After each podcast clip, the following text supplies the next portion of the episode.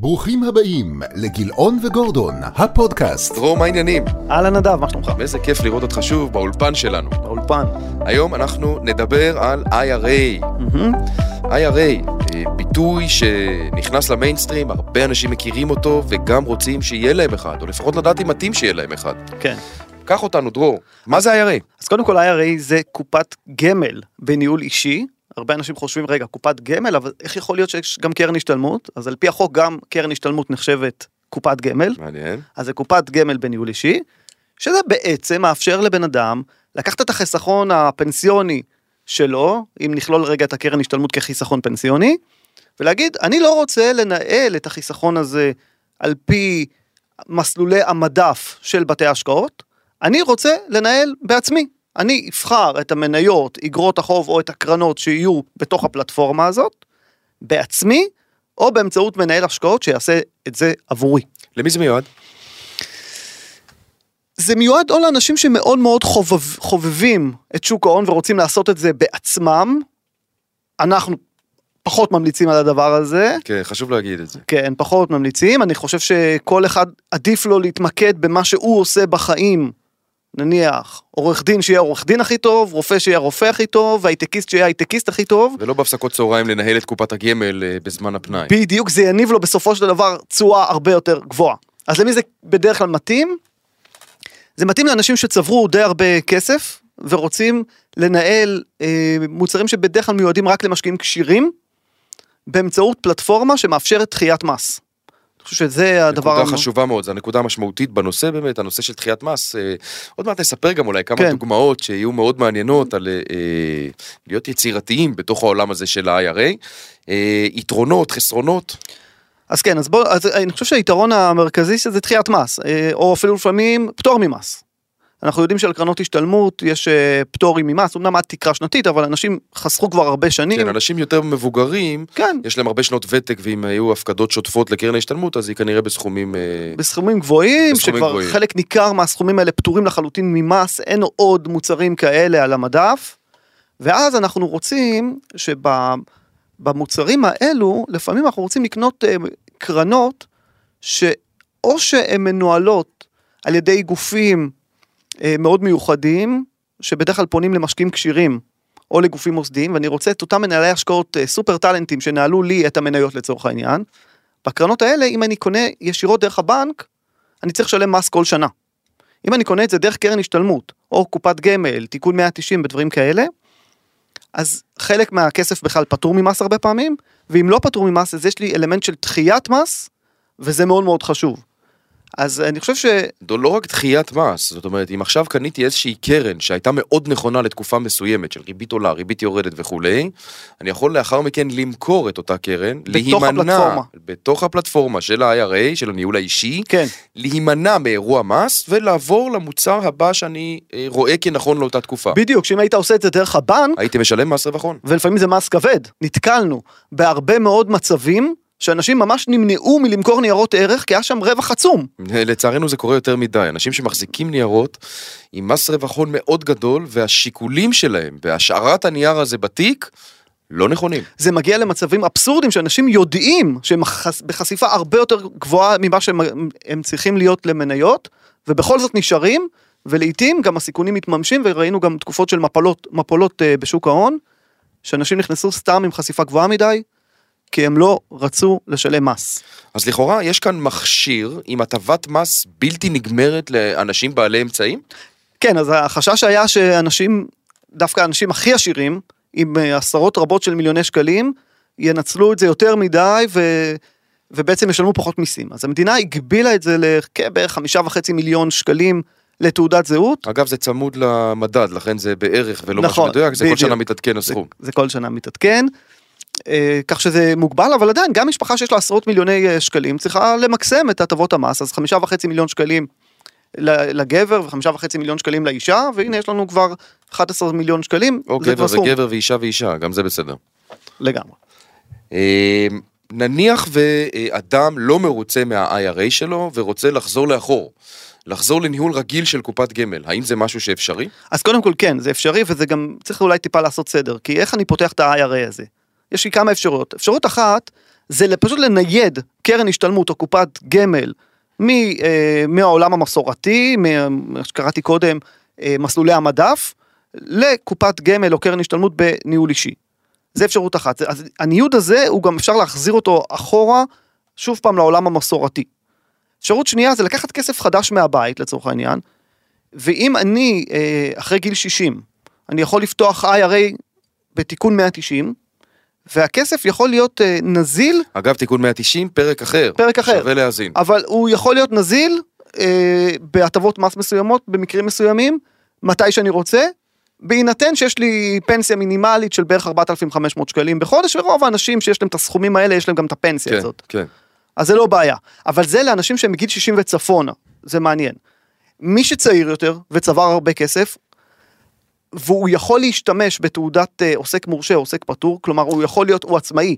אולי, אולי שווה שנספר באמת, יש לנו אה, סיפור נחמד על אחד הלקוחות שלנו, אה, רעיון יצירתי שלנו, איך גרמנו לו, אדם באמת יותר צעיר מגיל 60, שרצינו לשלב לו בתיק, היה לו הרבה כסף נזיל, פנוי, פיננסי, לא פנסיוני, רצינו אה, ליצור את אה, דחיית המס הזו, אה, ואולי נספר בכמה מילים איך עשינו את זה. אז, אז אני, אז קרנות השתלמות, הוא, ב- זאת הקרן השתלמות כשכיר, רוב האנשים שיש להם, אה, שהם שכירים בלבד, יש להם את הקרן השתלמות ממקום העבודה.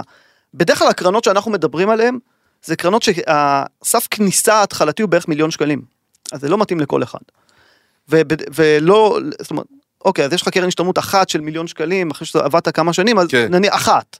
אבל מה אם יש לך עוד עשרה מיליון שקלים בבנק ואתה רוצה לעבוד איתם גם כן עם הקרנות האלו? שווה להגיד שבשנים האחרונות אה, נכנס לתוקפו חוק שניתן להכיל ותק של קרן השתלמות שיש לך על קרנות השתלמות אחרות שהן בוותק נמוך יותר. אז נזכיר בעצם אתה שניתן- מכין פה משהו. נכון, אני מכין משהו, ניתן, אה, ככה רקע כללי, אחרי שש שנים שמחזיקים קרן השתלמות, ניתן להשתמש בה, לפני זה לא ניתן להוציא את הכספים משם, נכון. עם הטבות המיסוי. ולכן, אם פותחים קרן השתלמות נוספת, וכבר יש לי אחת ישנה, רק אם אני עוסק מורשה, מהמם. או עצמאי ב- בכל צורה, חברה וכולי, אם אני אה, אה, שכיר בעל שליטה, אני יכול להפקיד כסף פיננסי, וזה משהו שעשינו ללקוח, משהו מאוד יצירתי, כסף פיננסי לתוך קרן השתלמות חדשה, כן. לא ייהנה אמנם מהטבות המס אה, שיש על פטור מרווחים, אבל כן ישתמש במסלול דוחה מס, יפקיד כמיליון שקלים, לצורך הדוגמה, בקרן ההשתלמות החדשה, בפלטפורמת IRA, ארכוש מה שאני רוצה, אני אוכל למכור ולקנות דברים נוספים מבלי אירוע מס. אה, מדויק לגמרי, אבל צריך לחדד את זה באמת. אתה חייב שיהיה לך עוסק מורשה, כלומר זה לעצמאים, אבל לא רק אם אני עצמאי, אם הבת זוג שלי עצמאית, ואני לא עצמאי, ואני רוצה לנצל את הפלטפורמה, נכון היא מאוד. יכולה לפתוח את אגב, זאת הקרן. הדוגמה שהייתה לנו בדיוק. בדיוק, אז, אז אפשר להשתמש בבני הזוג ו, ולפתוח את הקרן השתלמות. ובאמת, יש פה, שני, יש פה שני דברים חשובים. אחד, זה שבחלק מהקרנות, המנגנון גביית מס הוא כל שנה. זאת אומרת, נניח וקנינו קרן שלא בתוך IRA. שלא בתוך ה-IRA. אז נניח קנינו קרן במיליון שקלים בבנק, והרווחנו עשרה אחוזים, אבל לא מכרנו. חלק מהקרנות, מבחינה רגולטורית, מחויבות לגבות מאיתנו את המס בסוף השנה, גם אם לא מכרנו. רק אם קנינו דרך הבנק. מרבית הקרנות אגב. כן, אבל אם היינו רוכשים את הקרן דרך קופת גמל, או קרן השתלמות, IRA, כל הגביית מס הזאת הייתה נדחית לא למועד. למועד פדיון הקרן השתלמות. ובעצם יש פה כסף שהוא לכאורה לא שלנו, שעובד עבורנו. ובריבית דריבית, לאורך זמן זה הרבה מאוד כסף. אז למה לא לנצל? דרור, האמת שהייתי רוצה לתת עוד דוגמה, כי אנחנו, זה מוצר שאנחנו משתמשים בו הרבה מאוד עבור לקוחות כן. המשרד. אולי באמת שווה שנחבר את זה קצת מכל הביטויים הגבוהים. נכון. בוא נחבר את זה לקרקע. יש לך עוד דוגמה לתת? כן, אז, אז- בוא ניקח משפחה שיש לנו שאנחנו מנהל, מנהלים לה כמה עשרות... אה, בוא נראה אם אני אבין, כי אני לא יודע על מה אתה הולך לדבר. כמה עשרות מיליוני שקלים, כן. והם פנסיונרים. זאת אומרת, הם כבר בשלב שהם מקבלים קצבה פנסיונית, שמעל 4,500 שקלים. ומבחינתם, היום, קופות הגמל, זאת אומרת קופות הגמל כבר אה, נזילות. לא רק שקופות גמל נזילות, יש להם כסף קבוע שנכנס מהקרן פנסיה, אוקיי. ובעצם הכסף מבחינת רשויות המס, הם יכולים לפתוח קופת גמל בתיקון 190 והיא תהיה נזילה לחלוטין. אוקיי?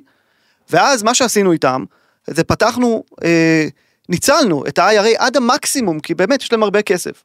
אז לה יש חמישה וחצי מיליון שקלים ב-IRA, ולא יש חמישה וחצי מיליון שקלים ב-IRA, ודרך הפלטפורמות הנזילות האלה כרגע, קנינו להם קרנות באמת, שזה זכות גדולה להיות, אה, להיות לקוחות של אותן אה, קרנות. שוב, אני, אני רוצה רגע כן. לעצור בנקודה הזאת, כי אנחנו מזכירים את זה בהרבה פרקים, וחשוב להגיד, אנחנו משלבים בתיקי הלקוחות באמת קרנות שמרכיבות את התיקים של הגופים המוסדיים הגדולים ביותר בעולם, נכון. אוניברסיטאות, באמת הגופים הגדולים ביותר, ואנחנו משלבים את אותם קרנות אצל הלקוחות וגם ב-IRA דרך קופות גמל. כן, אבל גם, אתה יודע, אגב, אני יודע למי אתה מתכוון. גם בארץ, גם בארץ, יש, אה, דיברנו בפרק אחר על שרשרת הערך של מנהלי השקעות. בעצם שמנהל השקעות, מה קורה למנהל השקעות שהוא ממש מצטיין? והוא עובד באחד מהגופים המוסדיים, והוא באמת כולם, זה לכולם בולט שהוא המנהל השקעות הכי טוב. דרך אגב, זה מאוד בולט. זאת אומרת, יצא לי להיות, אה, לנהל כמה מחלקות השקעות, ואתה רואה איך בישיבת השקעות יש את אותו בן אדם שכולם מקשיבים לו. זה תמיד ככה. זה תמיד ככה, וזה רק נורא נורא בולט, לא, בכל תחום, תחום. וזה בולט. יש לו זיכרון מאוד טוב, הוא מכיר מאוד, הוא יודע מאוד מאוד מהר לתרגם הודעת בורסה של חברה למה צריך לעשות, לקנות, למכור, מה לקנות, מה למכור. אותו מנהל השקעות היום, בגלל שיש אה, תקרת שכר בעולמות הפיננסיים, אי אפשר לשלם לו יותר מדי, יש אה, תקרה. בסופו של דבר, הוא אומר, רגע, אם אני יודע להביא כל כך הרבה כסף, למה אני צריך להיות שכיר? ואז הם פותחים קרנות משל עצמם. והקרנות האלו הן קרנות אחרות, שהן לא פונות לכלל הציבור. הן פונות רק לגופים המוסדיים, ואז הוא בא לאותו גוף שהוא ניהל שם את הכסף כשכיר, ואומר לגוף, חבר'ה, אתם אהבתם את הביצועים שלי, נכון? אתם רוצים להמשיך איתי? תקנו את הקרן שלי. ועכשיו אין תקרה לשכר שהוא יכול לקבל, כי הוא כבר בעל מניות. ומכיוון שהחוק מאפשר לו לפנות גם למשקיעים כשירים, כאלה שיש להם כמה, שמונה וחצי מיליון שקלים ומעלה נניח, אז אנחנו יכולים לשלב את הקרנות האלו דרך ה-IRA. דרך קופות הגמל. כן, דרך קופות הגמל וקרנות ההשתלמות. וקרנות ההשתלמות, שלא אמרתי את זה כי אמרת קודם שקרן השתלמות נחשבת קופת גמל. בדיוק. אז לא אמרתי את זה שוב. נכון.